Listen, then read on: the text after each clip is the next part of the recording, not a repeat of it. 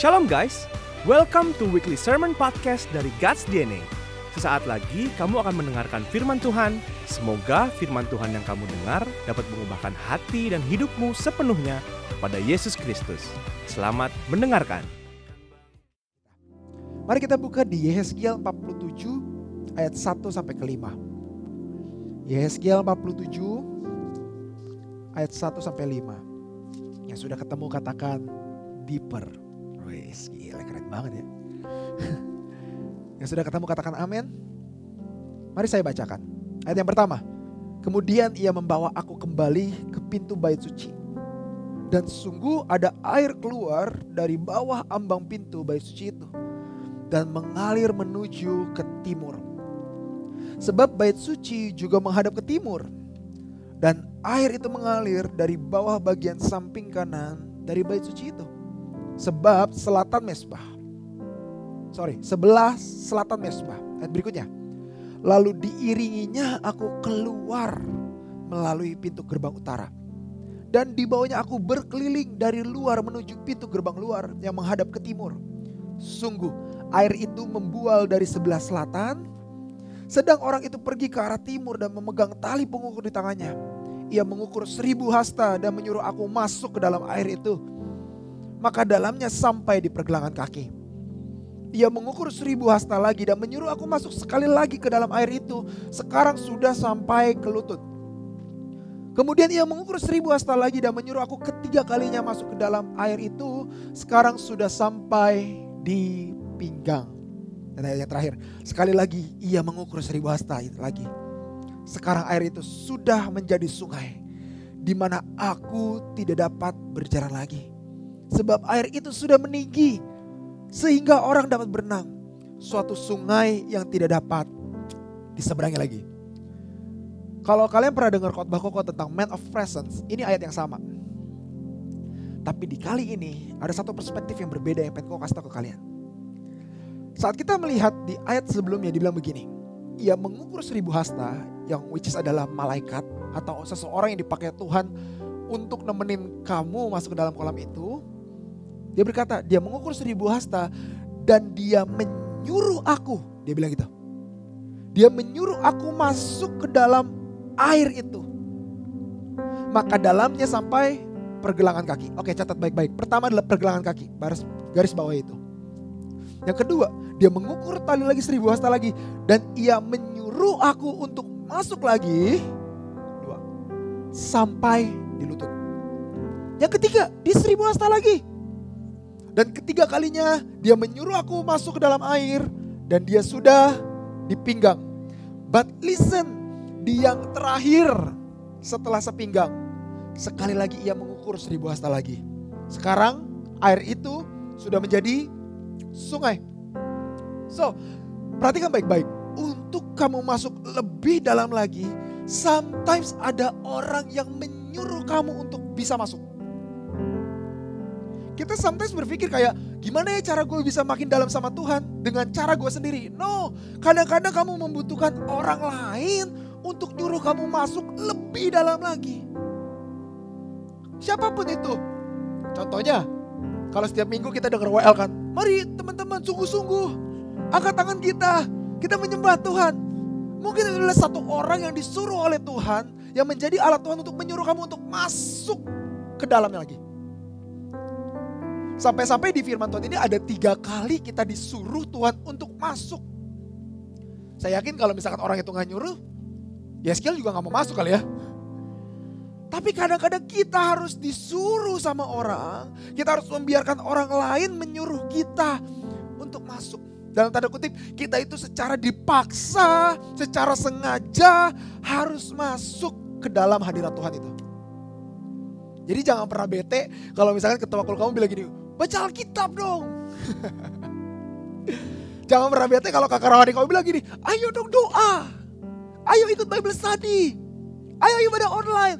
Karena mungkin saja itu adalah orang yang disuruh Tuhan untuk menyuruh kamu masuk lebih dalam lagi.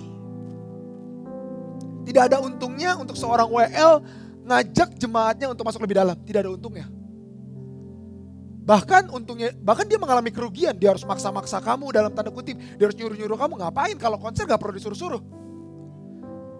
Tapi adalah suatu kebahagiaan adalah saat WL menyuruh kamu untuk masuk ke dalam hadirat Tuhan. Saat ketua kul menyuruh kamu masuk ke dalam firman Tuhan. Ada suatu kebahagiaan buat mereka saat mereka mengalami apa yang mereka rasakan. Kamu bisa mengalami apa yang kau rasakan. Kamu bisa mengalami apa yang KWL rasakan. Kamu bisa merasakan apa yang ketua kul rasakan. Itu suatu kebahagiaan buat mereka. Dan sometimes kita membutuhkan orang untuk menyuruh kita masuk. Ayo masuk. Tapi kalau kita perhatikan baik-baik ya. Kalau kita perhatikan baik-baik. Pas di akhir setelah pinggang menuju tenggelam. Firman Tuhan berkata seperti ini. Sekali lagi ia mengukur seribu hasta lagi. Sekarang air itu sudah menjadi sungai. Di mana aku tidak dapat berjalan lagi. Listen, udah gak ada kata dia menyuruh aku. Udah gak ada lagi kata-kata di mana malaikat itu menyuruh aku. Udah gak ada. Karena listen up. Saat kamu masuk lebih dalam, kamu gak pernah disuruh lagi untuk lebih dalam. Kamu akan masuk lebih dalam secara otomatis. Kamu gak perlu lagi disuruh, ayo guys, please guys, angkat tangan guys. Kenapa? Karena kamu udah makin dalam sama Tuhan, gak perlu disuruh lagi makin dalam. Kamu akan masuk lebih dalam. Kamu gak perlu lagi disuruh ketua kul, ayo guys, ikut kul guys. Karena kamu akan ikut kul. Bahkan kamu bisa aktif di kul. Karena kenapa? Kamu makin dalam sama Tuhan. Justru suatu pertanyaan kalau misalkan kul aja kamu masih disuruh-suruh. Apakah kamu masih dalam sama Tuhan? Harusnya jadi pertanyaan saat kamu pelayanan, masih disuruh-suruh untuk pelayanan, disuruh-suruh untuk angkat tangan menyembah Tuhan. Harus jadi pertanyaan apakah kamu makin dalam gak sama Tuhan? Karena di firman Tuhan orang yang makin dalam gak perlu disuruh-suruh lagi. Mereka akan tetap masuk lebih dalam. Karena orang yang merasakan hadirat Tuhan gak akan pernah puas hanya semata kaki. Dia pengen, bukan cuma semata kaki, selutut. Dari selutut, sepinggang. Dari sepinggang, lah lu gak usah suruh-suruh gue lagi. Gue mau masuk lebih dalam. Lu gak perlu suruh-suruh gue lagi baca firman, gue baca firman. Kok Andre udah cukup, jangan marah-marah lagi. Gue akan angkat tangan karena walaupun lu gak suruh gue, gue akan nyembah Tuhan. Walaupun masalah, permasalahan datang, walaupun badai datang, Gue tetap angkat tangan. Gue tetap menyembah Tuhan. Kenapa? Kita deeper. Kita masuk lebih dalam lagi. Karena saya pengen kasih tahu kalian sesuatu bahwa hadirat Tuhan, penyembahan, pujian, doa bukan berbicara tentang musik, bukan berbicara tentang suara, bukan berbicara siapa WL-nya, siapa yang nyuruh kamu, tapi hadirat Tuhan. Tapi rasa kita ingin lebih dalam, itu berbicara tentang hati kita. Karena kalau kita benar-benar sungguh-sungguh dan kita berkata ya kepada panggilannya, kita akan makin dalam. Saat kamu tahu, kamu nggak ngerasain kok kayaknya keringnya hidup gue. Karena kita makin dalam, kita merasakan, gue butuh Tuhan, gue kejar Tuhan. Saat kita merasa tidak ada harapan, kita tidak menjadi menyerah, kita makin dalam sama Tuhan. Kita makin dalam sama firman Tuhan. Dan saya yakin percaya ada sesuatu yang Tuhan kasih buat kita. So, kita lanjutin ayatnya. Apa yang Tuhan sediakan saat kita makin dalam sama Tuhan? Apa yang Tuhan siapkan saat kita gak cuma semata kaki doang. Tapi kita sampai tenggelam. Kita buka di Yeskiel 47 ayat 8 sampai 11. Yeskiel 47 ayat 8 sampai 11. Firman Tuhan berkata seperti ini. Ia berkata kepadaku, sungai ini mengalir menuju wilayah timur dan menurun ke arah Yordan dan bermuara di laut asin. Firman Tuhan berkata seperti ini. Air yang mengandung banyak garam dan air itu menjadi tawar. Sehingga ke mana saja sungai itu mengalir, segala makhluk hidup yang berkeriapan di sana akan hidup. Ikan-ikan akan menjadi sangat banyak Sebab ke mana saja air itu sampai, air laut di situ menjadi tawar. Dan ke mana saja sungai itu mengalir, semuanya di sana hidup. Garis bawah itu, semuanya di sana hidup. Saat kita makin dalam sama Tuhan, kita makin dalam sama firman, kita makin dalam sama penyembahan, kita makin dalam di hadirat Tuhan. Saya yakin dan percaya kehidupan kita akan menjadi kehidupan bagi banyak orang. Kehidupan kita bukan menjadi kematian bagi banyak orang, tapi saat kita deeper sama Tuhan, kita deep sama Tuhan, kita deep sama firman, saya yakin kehidupan kita akan jadi kehidupan banyak orang. Karena firman Tuhan berkata seperti itu, air ini mengandung banyak garam tapi diubahkan oleh Tuhan menjadi air tawar. Dan kata firman Tuhan, semua yang ada di sana menjadi hidup. Harus dipertanyakan kalau misalkan kehidupan kita malah bikin kematian bagi orang lain. Harusnya jadi pertanyaan kalau kita hidup malah untuk membuat kerohanian orang mati. Harus jadi pertanyaan kalau kehidupan pelayanan kita, kehidupan kekristenan kita membuat keluarga kita semakin bobrok. Mungkin saja tidak ada rasa lagi ingin dalam bersama Tuhan di hidup kita. Tapi kalau kita deep sama Tuhan, kita makin dalam sama Tuhan. Saya dan percaya, papa mamamu yang mau cerai, kembali lagi terjadi pemulihan. Sekolah kamu yang hancur lebur karena ada kamu di sana yang deep sama Tuhan. Sekolah kamu dipulihkan oleh Tuhan. Saat kamu tahu ada permasalahan datang, tapi kamu tetap deep sama Tuhan. Saya yakin dan percaya, pasti ada jalan keluar. Karena saat kita deep sama Tuhan, kita tenggelam dalam hadirat Tuhan. Kita tenggelam akan firman Tuhan. Kita tenggelam, kita deep sama pengenalan akan Tuhan. Saya yakin dan percaya, Tuhanlah yang bekerja.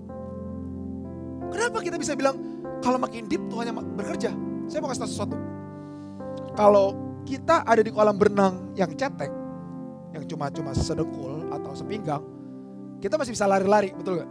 Kita masih suka-suka kita. Kalau kita main volley air, kita main volley air, paling mudah adalah kalau airnya cuma semata kaki. Ya itu sebenarnya bukan volley air, itu cuma becek ya. Tapi coba bisa bayangin gak, kalau misalkan main volley air di dalam air. Bayangin kamu menyelam tapi main volley air di dalam. Gak mungkin. Karena susah sekali untuk menguasai dirimu kalau kau makin dalam. Kalau kamu pernah berenang di suatu sungai, makin dalam sungainya, makin arusnya kencang. Dan saya yakin percaya makin susah untuk mengendalikan diri. Wah kita akan, wah gimana nih gue gak bisa berenang, gue gak bisa berenang. Maka apa yang terjadi? Udah nih gue, gue berserah aja. Well, saat kamu diper sama Tuhan. Saat kamu ke dalam sama Tuhan. Saat kamu deep sama Tuhan. Kamu udah tinggal mengangkat tangan dan berserah kepada Tuhan. Dan berkata, Tuhan kau yang bekerja, bukan aku yang bekerja. God, aku gak bisa apa-apa. Tapi Tuhan yang bekerja. Bukan kehidupanku lagi Tuhan. Tapi kehidupanmu di dalam aku. Karena saat kita deep sama Tuhan.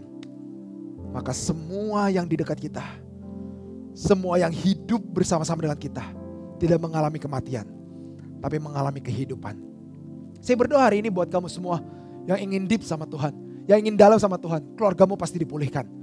Papa mamamu pasti dipulihkan. Sekolah, kampus, apa pun itu, kamu pasti dipulihkan. Karena kenapa? Tuhan yang bekerja. Kamu tugas cuma satu, makin deep, makin dalam sama Tuhan. Itu yang pertama. Yang kedua, apa yang Tuhan sediakan saat kita makin deep sama dia. Yang kedua, kita harus lihat dari pohon. Kita lihat dari pohon. Pohon itu ada di satu sungai dan dia dekat dengan sungai itu. Dalam Mazmur 1 ayat 1 sampai 3 berkata seperti ini. Berbahagialah orang yang tidak berjalan menurut nasihat orang fasik yang tidak berdiri di jalan orang berdosa dan yang tidak duduk dalam kumpulan pencemooh. Tetapi yang kesukaannya ialah Taurat Tuhan. Dan yang merenungkan Taurat itu siang dan malam. Ia seperti pohon yang ditanam di tepi aliran air yang menghasilkan buahnya pada musimnya. Yang tidak layu daunnya dan apa saja yang diperbuatnya. Firman Tuhan berkata berhasil. So seandainya kalau misalkan kita adalah sebuah pohonnya dan airnya adalah air firman Tuhan, air hadirat Tuhan. Orang yang dekat dengan sumber itu, orang yang ada di dalam sumber tersebut, saya yakin apa saja yang diperbuatnya berhasil. Yang mati jadi hidup, yang rugi jadi untung, yang gagal jadi berhasil, yang selama ini dicuekin jadi diperhatiin. Semua yang perkara-perkara yang orang gak anggap jadi suatu hal yang berdampak bagi banyak orang. Saya berdoa hari ini semua yang kamu lakukan, kalau kamu makin deep sama Tuhan, kamu makin dekat sama Tuhan, kamu dekat dengan sumbernya, saya yakin dan percaya apa saja yang kamu lakukan pasti hidup. Apa saja yang kamu lakukan pasti berhasil. Dan firman Tuhan berkata gini, yang menghasilkan buahnya pada musimnya. Dan yang tidak layu daunnya. Sebelum kita ngomongin buah dan daun, ada dua hal sebelum buah dan daun itu muncul. Kamu tahu apa? Akar dan batang. Pasti akar dan batang muncul duluan sebelum buah dan daun. Pohon gak akan bisa berbuah kalau gak ada akarnya. Pohon gak akan bisa berbuah kalau gak ada batangnya. Saya yakin. Jadi patut dipertanyakan, kalau kok hidup gue gak pernah berbuah ya, patut dipertanyakan apakah kamu sudah berakar di dalam Tuhan. Apakah kamu sudah berakar di dalam sebuah sel group? Dan apakah kamu sudah bertumbuh dalam firman Kristus? Kita ngomongin akar. Akar itu akan selalu mencari sumbernya terlebih dahulu sebelum buah itu jadi. Buah itu masih jauh. Yang paling pertama, akar akan berusaha untuk mencari sumber terlebih dahulu dia akan terus mencari sampai ketemu air. Dia nggak akan berhenti sebelum dia nemuin air. Akar nggak akan di, di, di tengah-tengah berhenti, ah udah nggak ada air nih, berhenti aja. Enggak, dia terus mengalir sampai menjulur sampai nemuin air. Karena kenapa? Akar itu adalah fondasi. Saat kita makin deep sama Tuhan, kita cari Tuhan kita kejar Tuhan. Kita cari sumber itu. Kita mau makin dalam sama Tuhan. Kamu gak usah mikirin buahnya dulu. Pasti berbuah. Gak usah bilang, ah gue gak berbuah-berbuah. Enggak, enggak, enggak. Make deep dulu. Deep dulu sama Tuhan. Dan suatu hari nanti akan Tuhan munculkan buahnya. Setelah akar itu nemuin sumbernya. Apa yang terjadi? Akan ada namanya pertumbuhan batang. Setelah akar itu nemu sumber, batang. Dan batang itu semakin bertumbuh. Apa ada buahnya? batang akan terus bertumbuh. Dan sometimes batang itu akan dipotong supaya makin tinggi.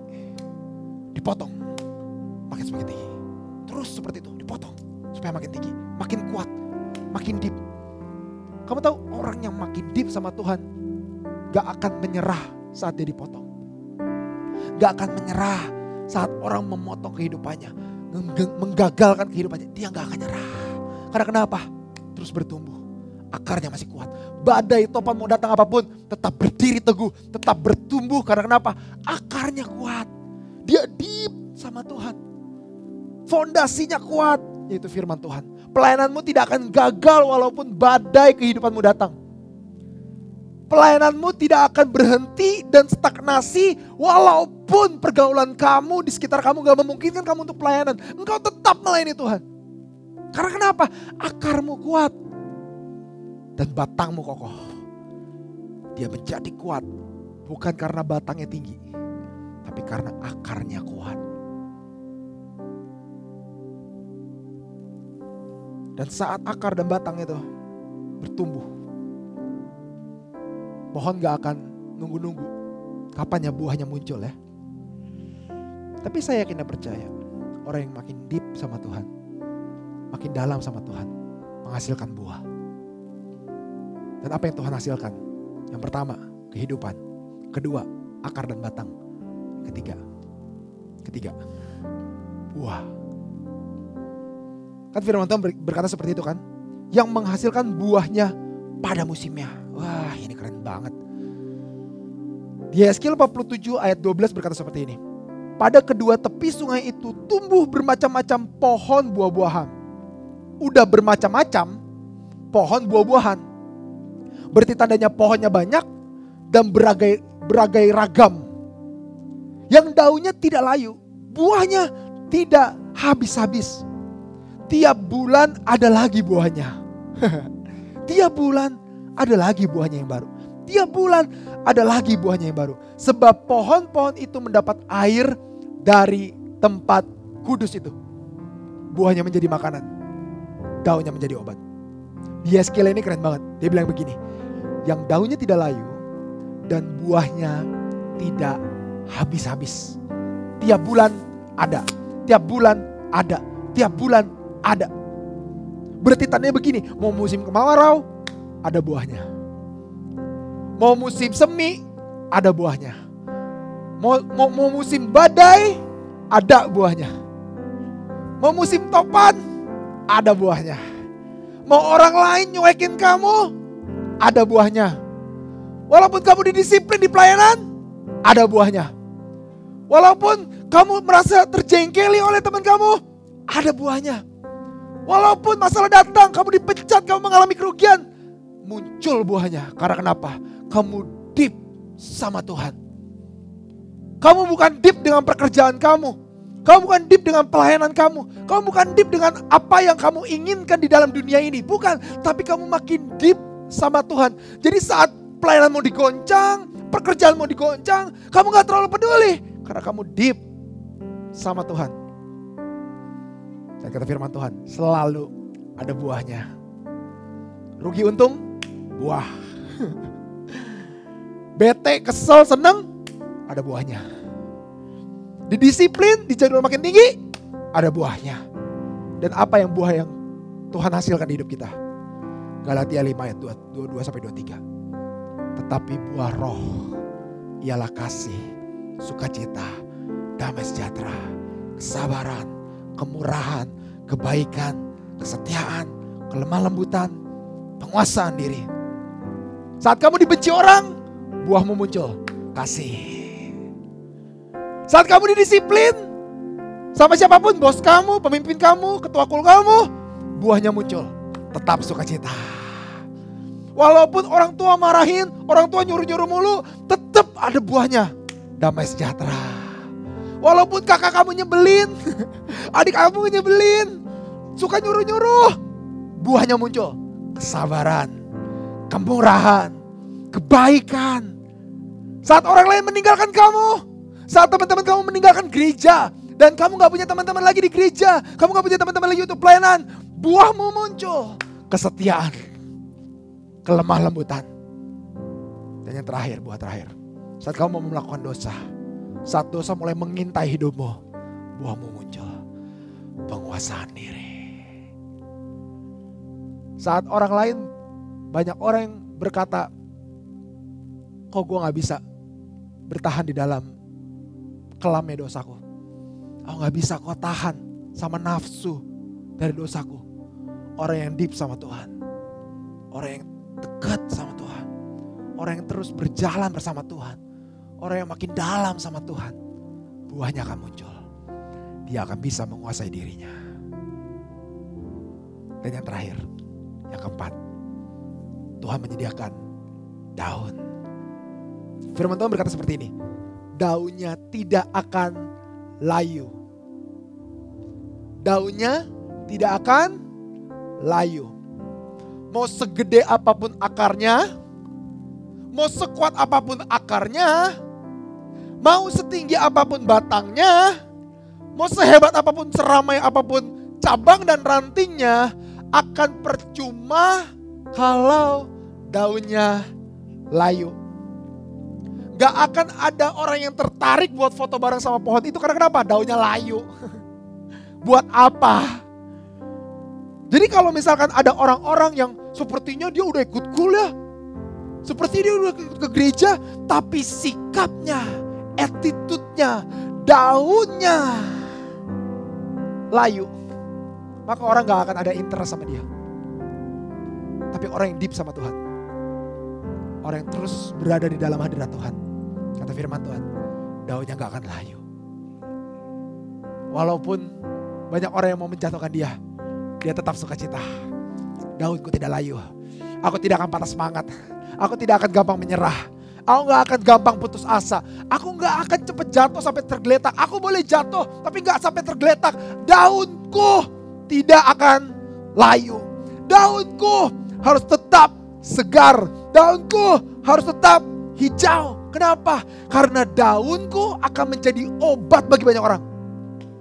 Itu firman Tuhan berkata. Firman Tuhan berkata, daunnya akan menjadi obat. You know, sikapmu akan menjadi obat bagi banyak orang. Fisikmu, ekspresimu, penguasaan dirimu akan menjadi obat bagi keluargamu. Akan menjadi obat bagi kakak adikmu. Akan menjadi obat buat gurumu. Karena saat kamu memiliki sikap yang benar, daun yang hijau, daun yang tidak layu, tidak gampang nyerah, akan menjadi banyak akan menjadi obat bagi banyak orang. Mungkin kamu sekarang mengalami penyakit rohani. Mungkin yang udah nikah, rumah tangga, atau yang lagi pacaran. Mungkin kamu mengalami penyakit hubungan. Atau mungkin kamu mengalami namanya penyakit ekonomi. Duit, uang. Dan yang terlebih lagi kalau kamu mengalami namanya penyakit jasmani. Hari saya mau kasih tahu. Daunmu akan menjadi obat. Daunmu akan menjadi kesehatan bagi banyak orang. Kalau hari ini ada keluargamu di sekitar kamu yang mengalami penyakit rohani, rumah tangga, hubungan, ekonomi, jasmani, saya mau kasih tahu, hidupmu bisa mengobati banyak orang. Karena kenapa? Engkau deep sama Tuhan. Engkau makin dalam, makin dalam, makin dalam, makin dalam, makin dalam. Bukan aku yang bekerja, Tuhan yang bekerja. Bukan aku yang menyembuhkan, Tuhan yang menyembuhkan. Bukan aku yang memulihkan, Tuhan yang memulihkan. Waktu aku deep sama Tuhan, Tuhan yang mengaku, melakukan banyak perkara di dalam kehidupanku. Karena daunku menjadi obat. Poin terakhir.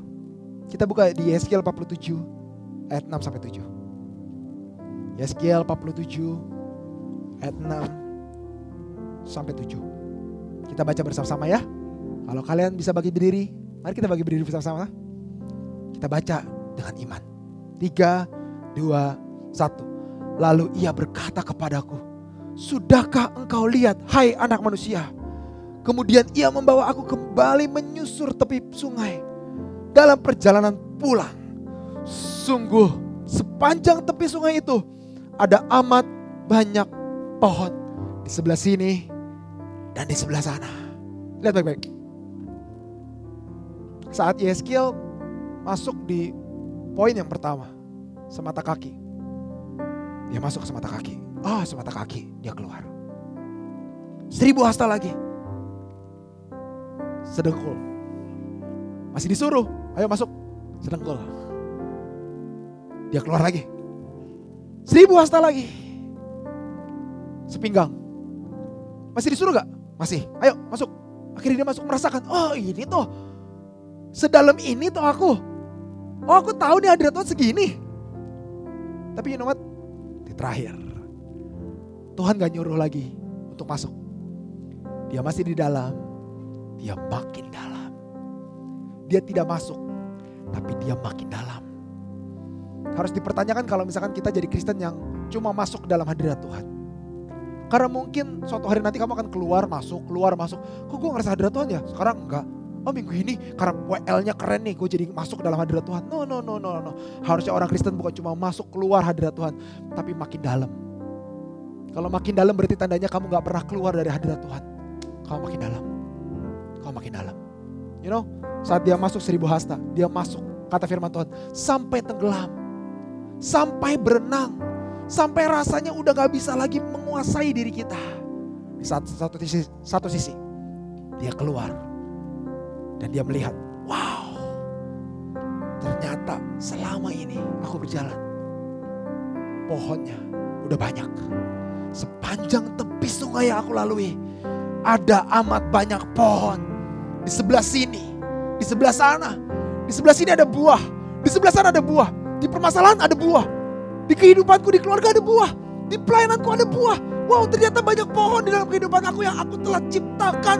Yang Tuhan sediakan di kehidupan aku. Karena cuma satu, aku makin deep sama Tuhan. Orang yang dalam hadirat Tuhan gak terlalu pentingin namanya pohon, hasil, buah, daun. Dia akan lebih fokus cuma satu, makin deep. Makin deep, lebih dalam, lebih dalam, lebih dalam. Aku gak terlalu peduli sama berkatmu. Aku gak terlalu peduli sama pemulihan. Aku gak terlalu peduli sama yang lain. Aku lebih peduli cuma satu. Aku harus deeper sama Tuhan. Aku harus deep sama Tuhan. Aku makin dalam, makin mengenal, makin mengerti, makin ingin intim dengan Tuhan. Dan saat kita deep sama Tuhan, saat kita melihat ke belakang, ternyata Tuhan sudah melakukan banyak perkara dalam hidup kita. Dan kita nggak akan menyesal sama masa lalu kita. Tapi justru kita lihat ke belakang. Tuhan masih menyertai kita. Karena kita deeper, deeper, deeper, deeper. Hari siapa pun kamu. Orangnya hari ini. Saya pengen ngajak kamu. Bukan berarti tandanya berkat pemulihan itu gak penting. Bukan. Tapi ada yang jauh lebih penting daripada itu semua yaitu lebih dalam bersama Tuhan. Ada yang lebih penting daripada sekedar materi dan apa pun itu. Yaitu makin intim sama Tuhan. Kalau engkau pelayan Tuhan atau pemimpin, kalau engkau mau pelayananmu kuat, kalau engkau ingin generasimu dimenangkan, kalau engkau mau terus setia, terus bayar harga sampai Tuhan datang kedua kali, saya kasih tahu, deep sama Tuhan. Makin deep sama Tuhan, makin kamu lihat bukan kamu yang bekerja, Tuhan yang bekerja. Saat kamu melihat ke belakang, ternyata sudah banyak perkara yang kamu lakukan bersama Tuhan. Sudah banyak perkara yang Tuhan lakukan dalam kehidupan kamu. Terima kasih telah mendengarkan Weekly Sermon Podcast dari God's DNA. Benih firman Tuhan yang ditanam tidak akan pernah sia-sia dalam kehidupanmu. Sampai bertemu di Weekly Sermon Podcast berikutnya. Tuhan Yesus memberkati.